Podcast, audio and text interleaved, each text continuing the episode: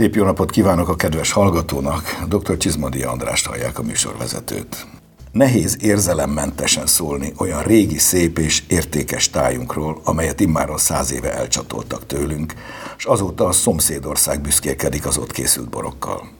A történelmi igazsághoz tartozik, hogy a több mint ezer éves múltban a szinte állandó háborúskodások következtében az eredetileg magyar határvédő lakosság egyre csak fogyott, és a helyére ekkor már Habsburg királyaink előbb török elől menekülő horvátokat, majd legnagyobb részt német ajkúakat telepítettek, és így a vidék fokozatosan elnémetesedett. Aztán erre hivatkozással a régi őrvidéket Trianonnal át is csatolták Ausztriához, ahol Burgenland lett a neve. Az egykor egységes nagy borvidékből csak a hűséges Sopron és környéke maradt meg. Sopronról már korábbi adásunkban volt szó, most megnézzük az átcsatolt többi részt.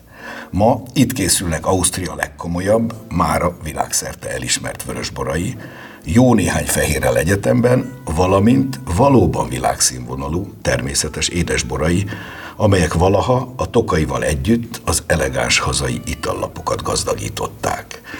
Tartsanak velem, szabadítsuk ki a szellemet a palackból.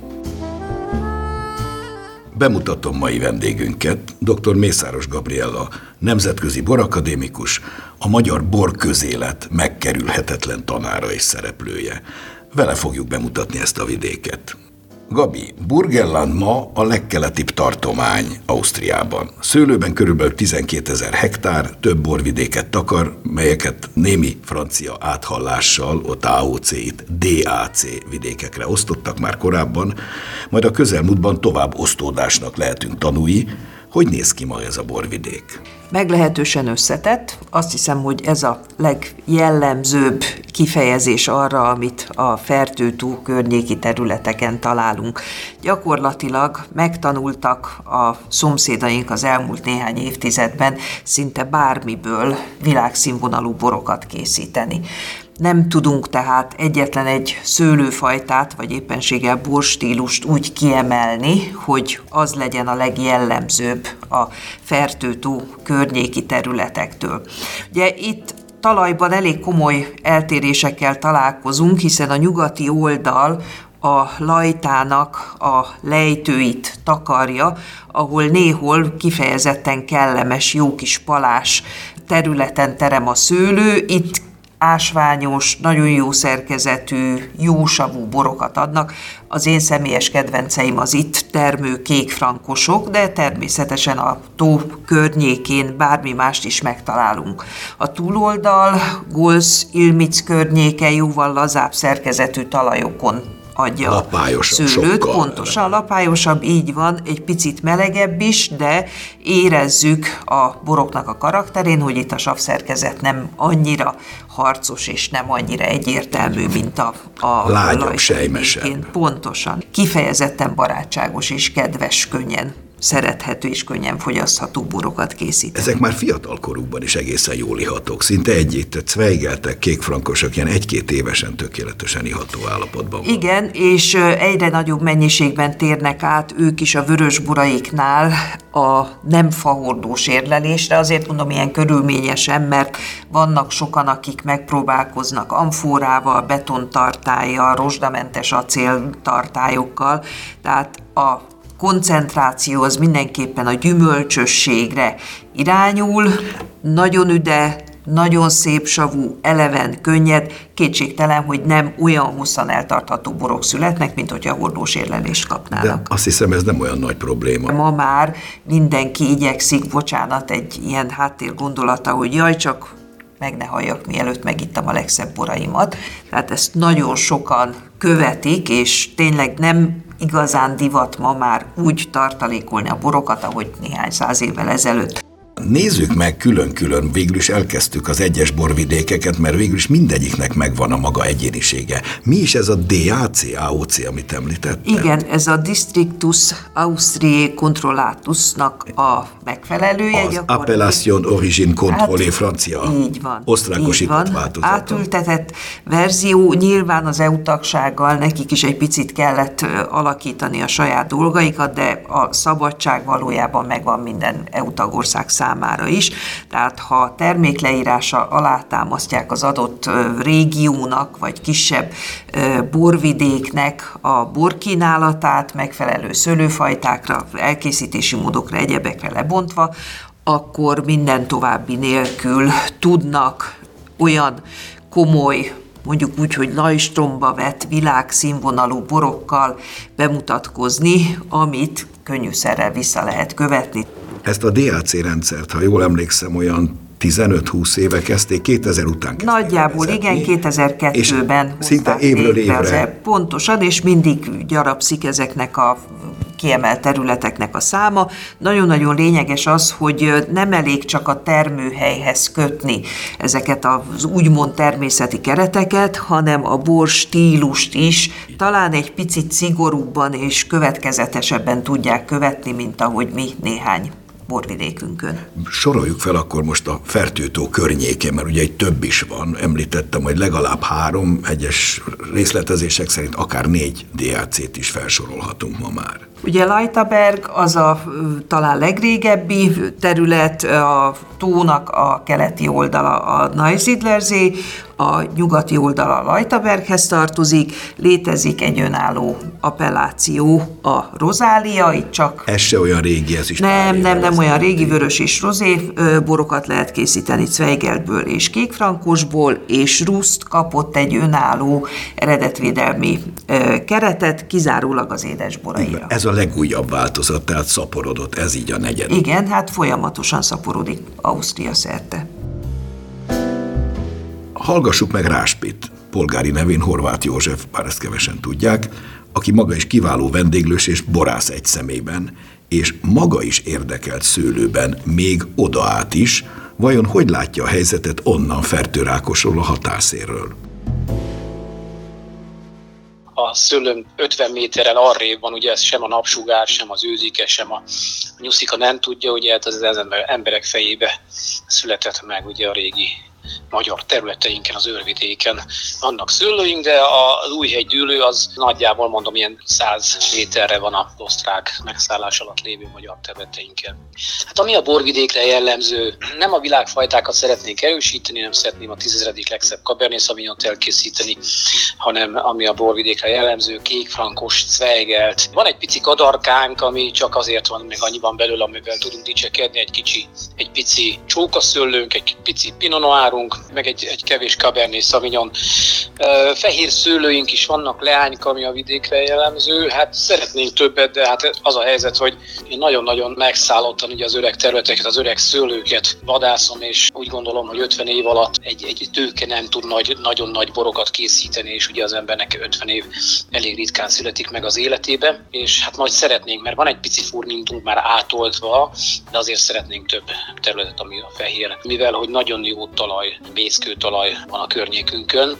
Ugye a, a vörös szőlőnk pedig ugye a világ egyik legjobb talaján, ugye a csillámpalán, az új hegytülőben terem. Lehet azt mondani, hogy ön két laki életet él? Hát igen, igen. Nekem az osztrák ez mindig egy kicsit ilyen kis furcsán, furcsán hangzik. Nekünk ez természetes, ugye itt a határszéri, ugye a nap mint nap, ugye nagyjából olyan egy hektárnyi szőlőnk van itt fertőmegyesen, ami főleg fehér, fehér szőlőből tevődik össze. Az ottani boros gazdákkal tartják a kapcsolatot, kóstolják egymás borait? Igen, abszol- abszolút. Hát mindenkivel nem, de elég sokkal. Ugye hát azért itt sajnos ugye a Soproni borvidéken eléggé meg, megritkultak a borászok, ugye Fertőrákoson is volt több száz borászat, ugye mit tudom én, egy száz évvel ezelőtt. Egyszer maradt 40, aztán utána most már csak négy, négy borászat, mert ez egy kemény, kemény meló. Sajnos nem sokan gondolják itt a környéken, hogy ezt folytatni kellene, hát remélem, hogy nálunk azért ez megmarad ez a hagyomány, úgyhogy de nekünk ugye a, a, a nagyszülők szülei hasonlóképpen hozzánk ott is volt étterem, föld, stb. minden egybe, úgyhogy szoktam mondani, hogy, hogy az ember nem kerülheti el a sorsát, mert én is ugye, mint minden normális gyerek, rendesen nem szerettem szőlőbe menni. Ugye mindenki ment a fertőtúra fürödni, mentünk kapálni a szőlőbe nekem sem volt a kedvencem, de azt ugye az ember megtalálja idővel a, a fonalat vagy a szépségét, és akkor remélhetőleg a helyre kerülnek a dolgok. De sajnos ugye a borászat ez egy több generációs dolog, ez legalább száz év vagy kétszáz év kell uh-huh. hozzá, de ugye hát Magyarországon azért a generációkat rendesen egy száz évben kétszer-háromszor is megritkítják. Valami biztos, hogy történik, uh-huh. és ugye egy borászat azért, azért igazából nem a nem a pénz, meg, meg a gépek, meg stb., hanem egyszerűen az a tudás, az a kis nüansz, amitől egy borász felismerhető, egy borvidék is egy borász felismerhető akárhol a világon. Uh-huh. És az évjárat még ez nagyon-nagyon fontos dolog mindig is természetesen szerettük volna készíteni a borainkat, ugye ha valaki eljön hozzánk, körbenéz, itt minden, mindent látja, Isten teste, Isten vére.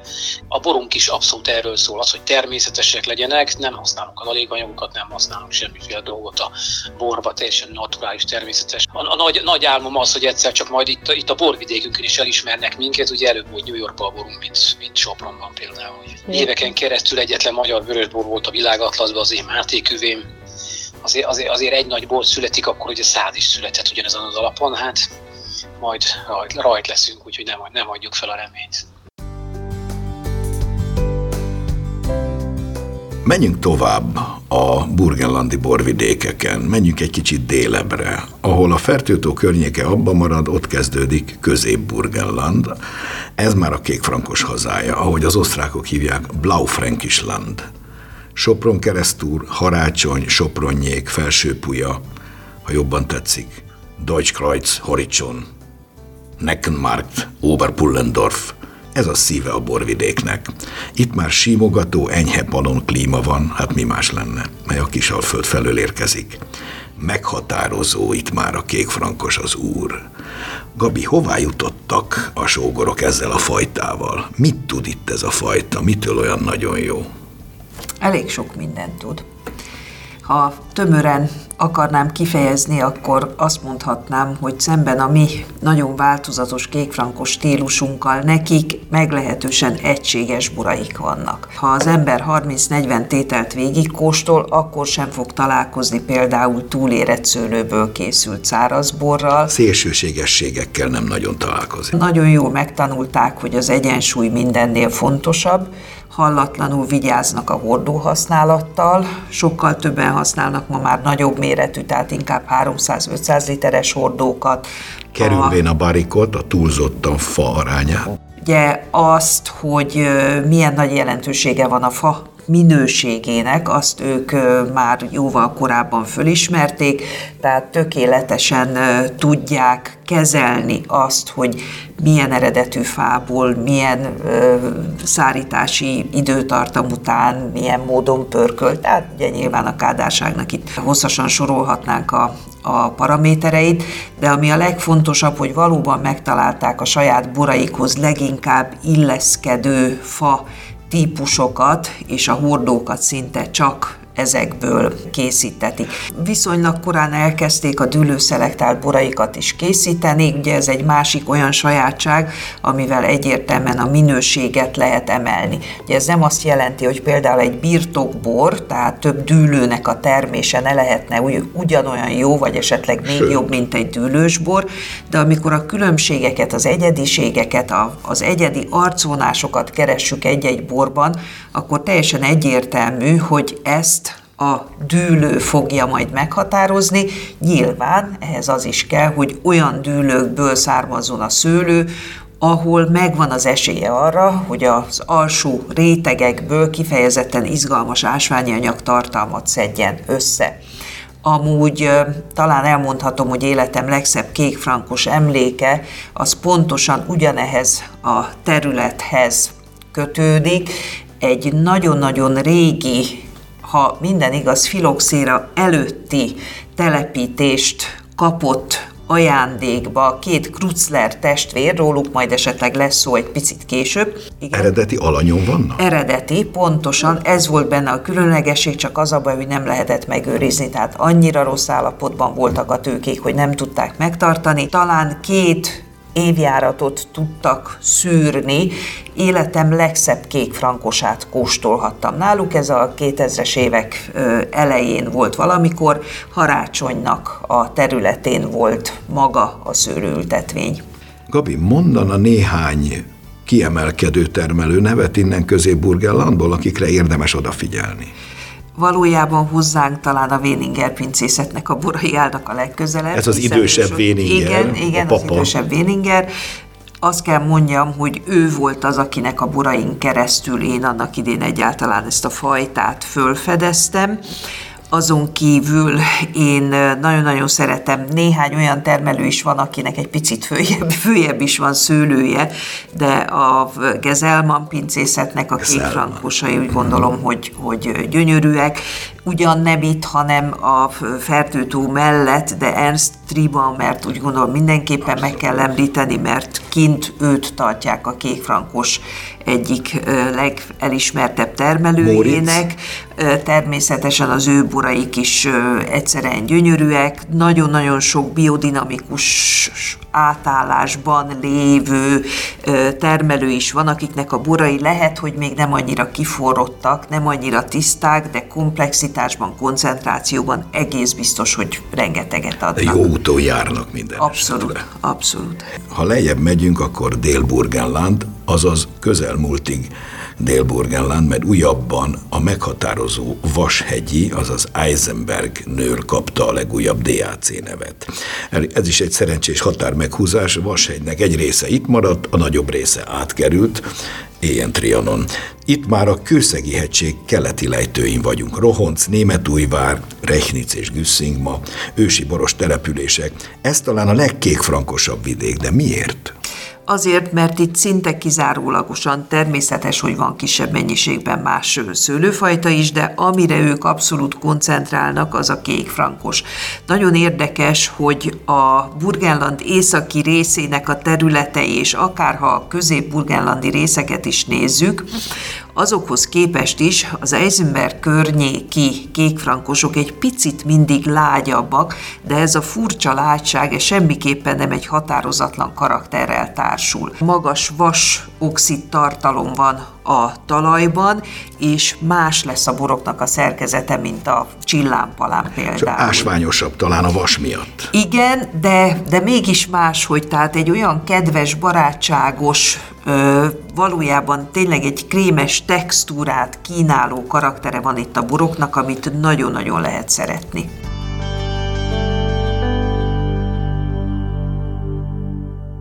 Hallgassuk meg most Garger Imre borászt vaskeresztesről, az itt maradt magyar oldalról. Hogy vélekedik ő erről a kékfrankos helyzetről? A vaskeresztesi termőhely közvetlenül az osztrák határ mellett helyezkedik el. Ugye a Vashegynek hívják ezt a termőhelyet, ami ez a Trianon után gyakorlatilag ketté szakadt, illetve először egyben maradt, mert Vaskeresztes is Ausztriához tartozott, de a 22-es visszaszavazás után ugye ketté osztódott, és az egyik fele Ausztriához került, és a másik fele pedig Magyarországhoz. Két és fél hektáron termelek szőlőt, de ezen kívül még az osztrák unokatestvéremnek művelek 4 hektárt, és azt hiszem, ami az egész országban ismert, jól csengő név a Kreinbacher, aki szintén vaskeresztesi, és a rozé pesgőjét ezzel a kék frankossal színezi. Tehát ezt a két és fél hektárt még ezt is én művelem, én szervezem. Úgy tűnik abból, ahogy beszél, hogy van összefonódás az osztrák oldalon levő területek és önök között. Milyen ez az együttműködés? Meglepő módon az osztrákok nem nagyon jöttek át Magyarországra területeket vásárolni, bérelni. Mi meg nem mentünk át Ausztriába, de 2004-ben, amikor én elkezdtem a borral foglalkozni, borászkodni, akkor én az osztrákok segítségére támaszkodtam, és az ő segítségükkel értem el azt a szintet, ahol ma tartok, és ez olyannyira intenzív volt ez az együttműködés, hogy az egyik borásszal, a Thomas Wachterral a 2007-től 9-ig közösen töltöttünk bort. Ő neki volt egy kis területe Vaskeresztesen, és ő azt hazavitte és Ausztriába készítette el a bort, és én pedig Vaskeresztesen, és egy olyan másfél év múlva összeültünk, megkóstoltuk ezeket a tételeket, majd összepumpáltuk egy tartályba, és közösen palackoztuk le. Tehát az azt jelenti, hogy virtuálisan újra egyesítettük a vashegyet. Vannak-e közös projektek az osztrák kollégákkal? Most már nincsenek. Az osztrák oldal az Ausztriába olyan jó cseng, mint Magyarországon Dillány, Szexárd. Magyarországon pedig ugye vaskeresztes hely teljesen ismeretlen volt. A nagy tömeg számára még most sem olyan ismert, de én 2004-ben azzal az elhatározással kezdtem bele a borászkodásba, hogy megpróbálom vaskeresztest fölvezetni a minőségi borok térképére. Meséljen a minőségi borairól, milyen szőlőből készíti? A főfajtánk a kék frankos, amikor ugye nekiálltam ennek az egész projektnek, akkor én az osztrákoktól kértem tanácsot, és ők mondták, hogy igazából a kék frankossal tudunk legjobb eredményeket elérni, a világfajtákkal nehezen tudunk konkurálni, a mi időjárásunk itt még nem alkalmas arra, hogy a világfajták minden évben beérjenek. És ez azóta be is igazolódott, mert valamennyi merlót telepítettem, és az valóban nem minden évben érik be olyan szintre, amit elvárnánk tőlük. A kék frankossal viszont nagyon szép eredményeket tudunk elérni. A legutóbbi például, amire igen büszke vagyok, ami az idén történt, hogy Finország kékfrankos, soproni kékfrankos tendert hirdetett meg, és az én borom nyerte meg ezt a tendert, és az én boromból vittek el 1200 palackot. És az idén először elküldtem a boromat a berlini Wine Trophy-ra, azonnal aranyérmet kapott, úgyhogy azt hiszem ez egy, ezek elég jó visszajelzések, hogy nem csak nekem ízlik a bor.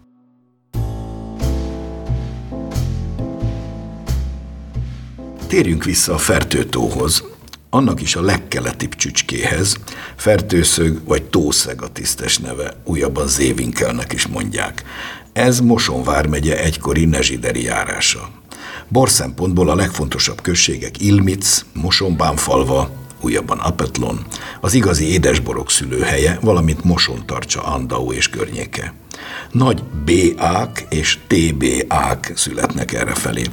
Gabi, lebbentsük fel a fájtlat, mik is ezek, és hogy viszonyulnak a mi aszúinkhoz? Az édesborok kategóriáját az osztrákok jószerével a németektől vették át, ugyanazokat a kategóriákat használják, itt a kiindulás mindig a szüretkori cukortartalomnak megfelelően indulhat el. Tehát megvan adva, hogy mennyi minimum cukortól Pontos, minek lehet nevezni. Pontosan, így van. Tehát Mi tehát a, a BA?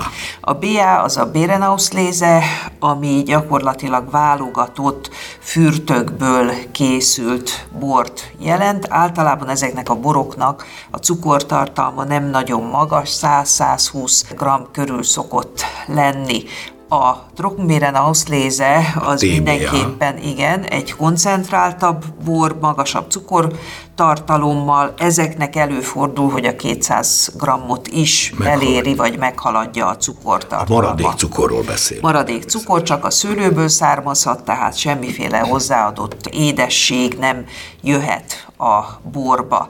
Ugye a fertőtó környékén rengeteg olyan szőlőfajta van, amiből ma készítenek természetes édesborokat. Nem csak három-négy fajta, mint nálunk, hanem szinte bármiből. Igen, de ez valójában nehézség náluk, mert valamikor furminból készültek az édesborok, azoknak is a legjava a ruszti Ausbruch, ennek egy külön olyan köre is van, ami egyesíti a legjobb fertőtó környéki termelőket, és gyakorlatilag ez a kategória a mi aszunkhoz hasonló módon készült.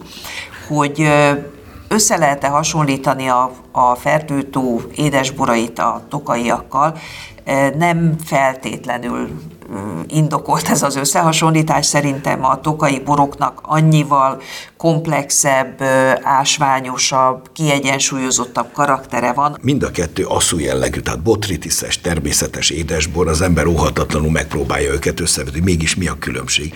Kétségtelen Tokaj vulkánikus talaja a fertőtónál nincs meg. Nincs, Viszont nincs ott meg, meg ott van egy gyönyörű sokszínűség a sok fajtától.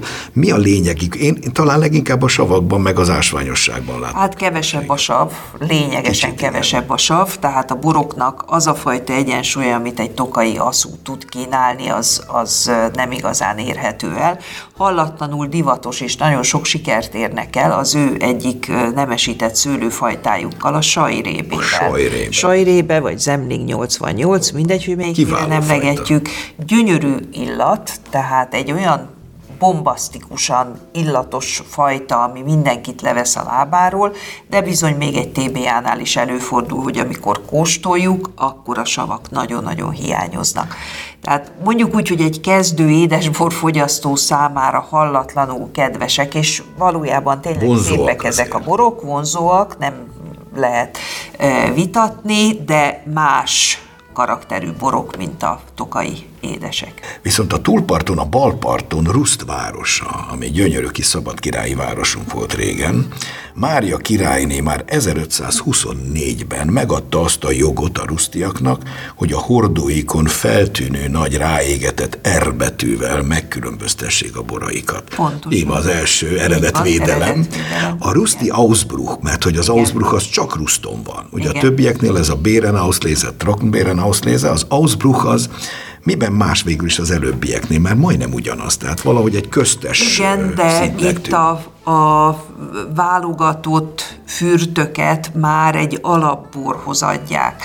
Tehát innen jön a hasonlóság a tokai aszúval, és ezért is nevezik, őt nevezték mindig is Ruster Ausbruch nak, tehát nem az, mint ami a német rendszer. Az Ausbruch készítés a sajnos egy picit visszaszorult az elmúlt években, talán Robert Wenzel az, akinek a nevét érdemes megemlíteni, Ruston, a Borakadémia mellett a fő utcán van a pincéje, de a Fejlerártinger pincészet szintén ott két házzal odébb vagy. Heidisrök. Heidisrök, így van, vagy a Sandl pince, ők készítenek rendszeresen Ausbruch borokat. Ők a Bruszti Aszukör tagjai is egyben. Így van, és a Vencel család elsősorban a fiúk révén vásárolt is Tokajban birtokot, egyre többen telepítik vissza a furmintot. Így van, ezt hallottam. Mert akár buvé, olasz rizling, tramini, zweigelt, chardonnay, tehát bármilyen szőlőfajtából készítenek édesborokat, de tudják, hogy a legjobb a furmint volt. Ez zárszónak is tökéletes. Megköszönöm Mészáros Gabriálának a szíves részvételt a mai műsorban. Köszönöm szépen, hogy itt lehettem. Jó borozást!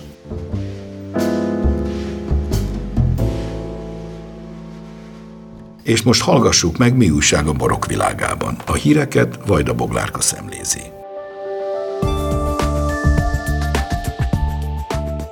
Startup program kezdődik a Tokai borvidék fejlesztéséért Váberer György vállalkozó fővédnökségével.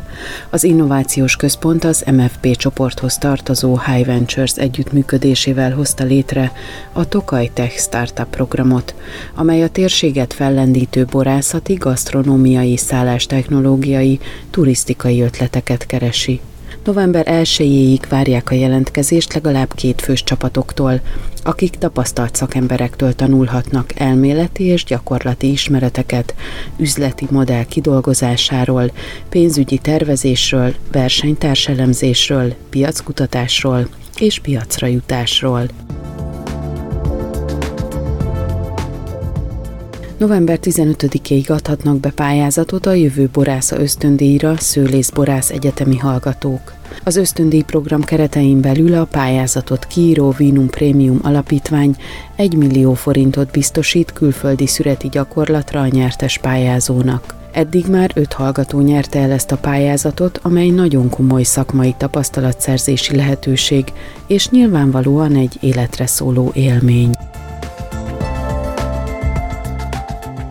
Magyarország nyerte meg a borfelismerő világbajnokság döntőjét. A magyar csapat 27 nemzet legjobb borkostolói között diadalmaskodott, legyőzve a házigazda és címvédő francia csapatot. A verseny során 12 bort kellett beazonosítani szőlőfajta, termőhely, évjárat és termelő szerint. A versenyt az is nagyban nehezíti, hogy a borok a világ akármelyik szegletéből érkezhetnek, és bármilyen korúak lehetnek, illetve bármilyen fajta szőlőből készülhetnek. A borsor ebben az évben különösen nehéz volt, de a hat bort követően a magyar csapat az érre állt, és a verseny végéig megőrizte magabiztos vezetését a belga csapat előtt. A képzeletbeli dobogó harmadik fokára a spanyolok állhattak fel. Elköszönök hallgatóinktól. A mai műsorunk véget ért. A hangmester Keresztény Bonaventura nevében is megköszönöm figyelmüket, szép napot, jó borokat kívánok, dr. Csizmadi Andrást hallották. Mai adásunkat a mediaclick.hu honlapon hallgathatják meg újra. A műsort az MTVA készítette 2021-ben.